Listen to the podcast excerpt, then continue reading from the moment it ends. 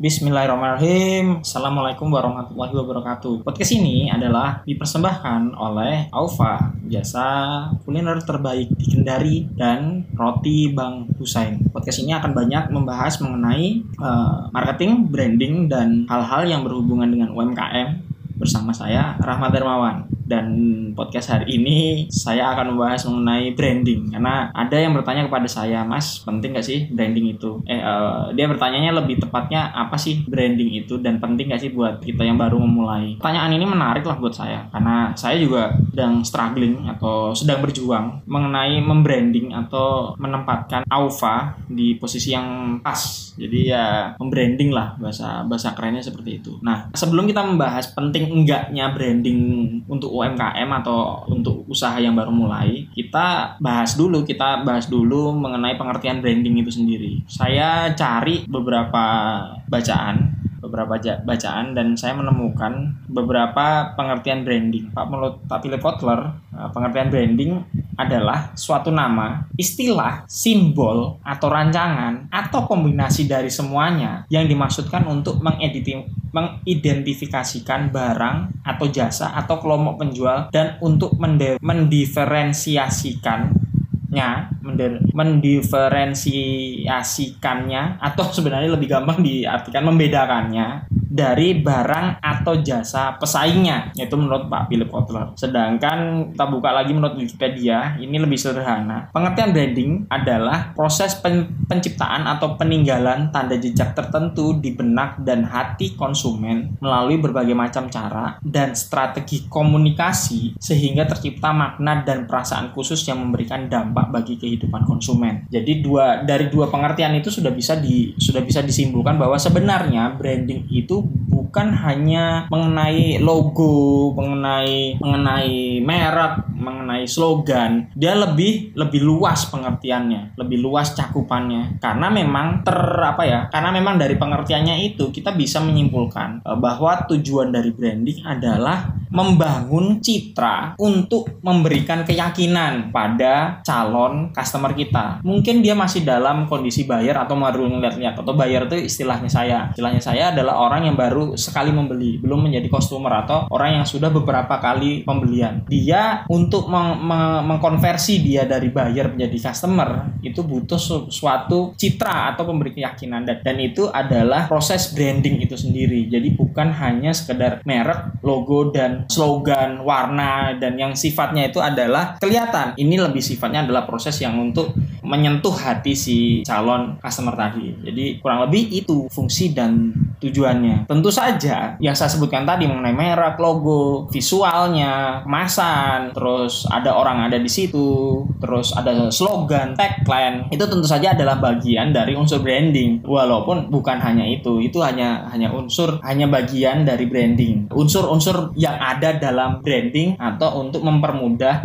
dalam proses branding itu sendiri. Kalau dibagikan apa atau kalau diklasifikasikan, ada yang mengklasifikasikan branding itu menjadi produk branding branding jadi memang yang di branding adalah produknya yang dibangun citranya itu adalah produknya. Ada juga orang apa atau perusahaan yang membangun atau memang banyak orang yang membangun personal brandingnya personalnya atau public figurnya nah biasanya sih artis selebritis politisi musisi yang sifatnya uh, personal. Atau ada juga yang membangun yang serius membangun mengenai corporate corporate ya corporate brandingnya atau perusahaannya. Nah semuanya ini penting semuanya ini penting. Nggak nggak bisa kita bilang oh ini lebih penting atau atau itu lebih penting. Karena kalau kita berkaca dari kasus bukan berkaca dari kasus ya kalau kita melihat dari ke, kejadian uh, keadaannya Apple Apple dengan personal brandingnya Steve Jobs almarhum Steve Jobs itu orang melihat Steve Jobs oh berarti ngelihatnya adalah personal brandingnya Steve Jobs yang penuh dengan inovasi. Kemudian mereka percaya bahwa produk yang dihasilkan oleh Apple dan Steve Jobs sebagai juru bicaranya akan penuh dengan inovasi. Jadi ya sampai dengan dan itu akhirnya kebawa sampai dengan sekarang. Walaupun bisa diperdebatkan inovasinya Apple akhir-akhir ini tidak terlalu signifikan. Bisa diperdebatkan itu tapi karena memang personal brandingnya si Steve Jobs yang penuh dengan inovasi dan perso dan corporate brandingnya itu si Apple itu penuh inovasi maka produk-produknya pun terikut oleh itu. Jadi memang suatu kesatuan yang bisnis itu menjadi ada posisinya di di benak buyer atau customernya, terutama customer sih sebenarnya. Itu kalau dari jenis brandingnya. Ada seorang pakar branding namanya Joseph Cash. Dia itu membagi branding itu menjadi dua bagian besar. Jadi dia bilang ada internal branding dan external branding. External branding itu adalah yang terlihat. Jadi dia visual. Jadi ngomonginnya itu ngomongin desain. Jadi brand identity-nya, identitas brandnya, terus uh, stationery-nya atau mock up-nya, terus marketingnya yang berhubungan dengan marketing. Jadi ngomongin flyer, browser, poster dan lain sebagainya. Terus ada website,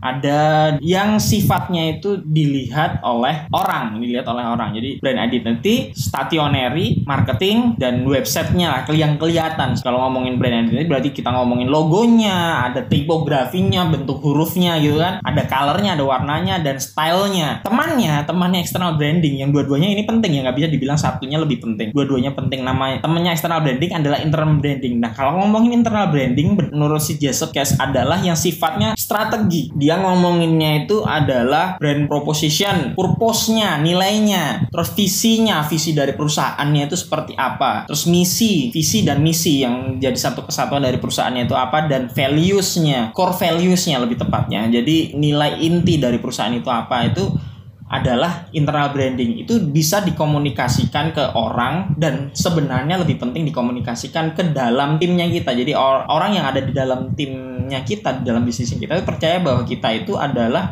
yang seperti yang sudah direncanakan, yang seperti yang sudah di, di brandingkan itu berupa internal branding, yaitu visi, terutama visi dan misi. Jadi orang timnya kita pun akhirnya pun percaya dan menemukan alasan apa dia menjadi bagian dari tim kita. Terus ngomongin juga tentang brand positioning. Jadi kalau ngomongin brand positioning itu berarti kita ngomongin audiensnya. Audiens itu maksudnya ke market apa yang kita sasar. Terus ngomongin diferensiasinya, apa yang membedakan orang, apa yang membuat orang mengingat kita dan apa yang membuat kita itu berbeda dibandingin dari kompetitor produk sejenisnya. Dan kemudian ada goalsnya tentu saja goals dan targetnya dari perusahaan kita itu apa? Nah dari obrolan saya tadi yang yang super singkat tadi udah udah ketahuan kan sebenarnya penting enggaknya branding itu. Karena kalau ngomongin penting enggaknya, jelas penting karena tujuan dari branding itu adalah memposisikan bisnis kita di di mana. Jadi nggak cuma sekedar jualan dan nggak cuma sekedar laris aja.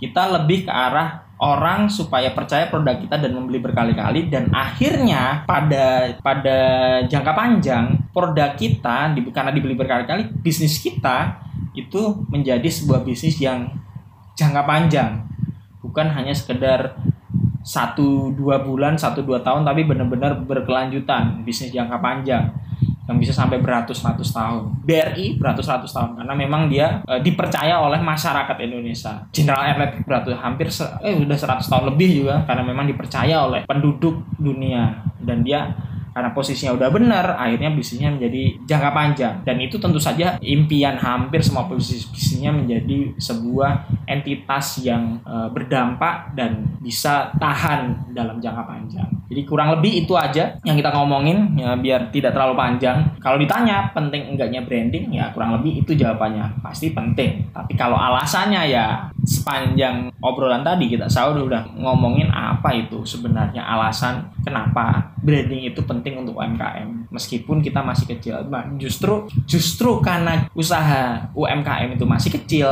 membangun branding itu cenderung lebih mudah. Karena apa? Karena kita bisa memulainya itu dari yang kecil-kecil dulu.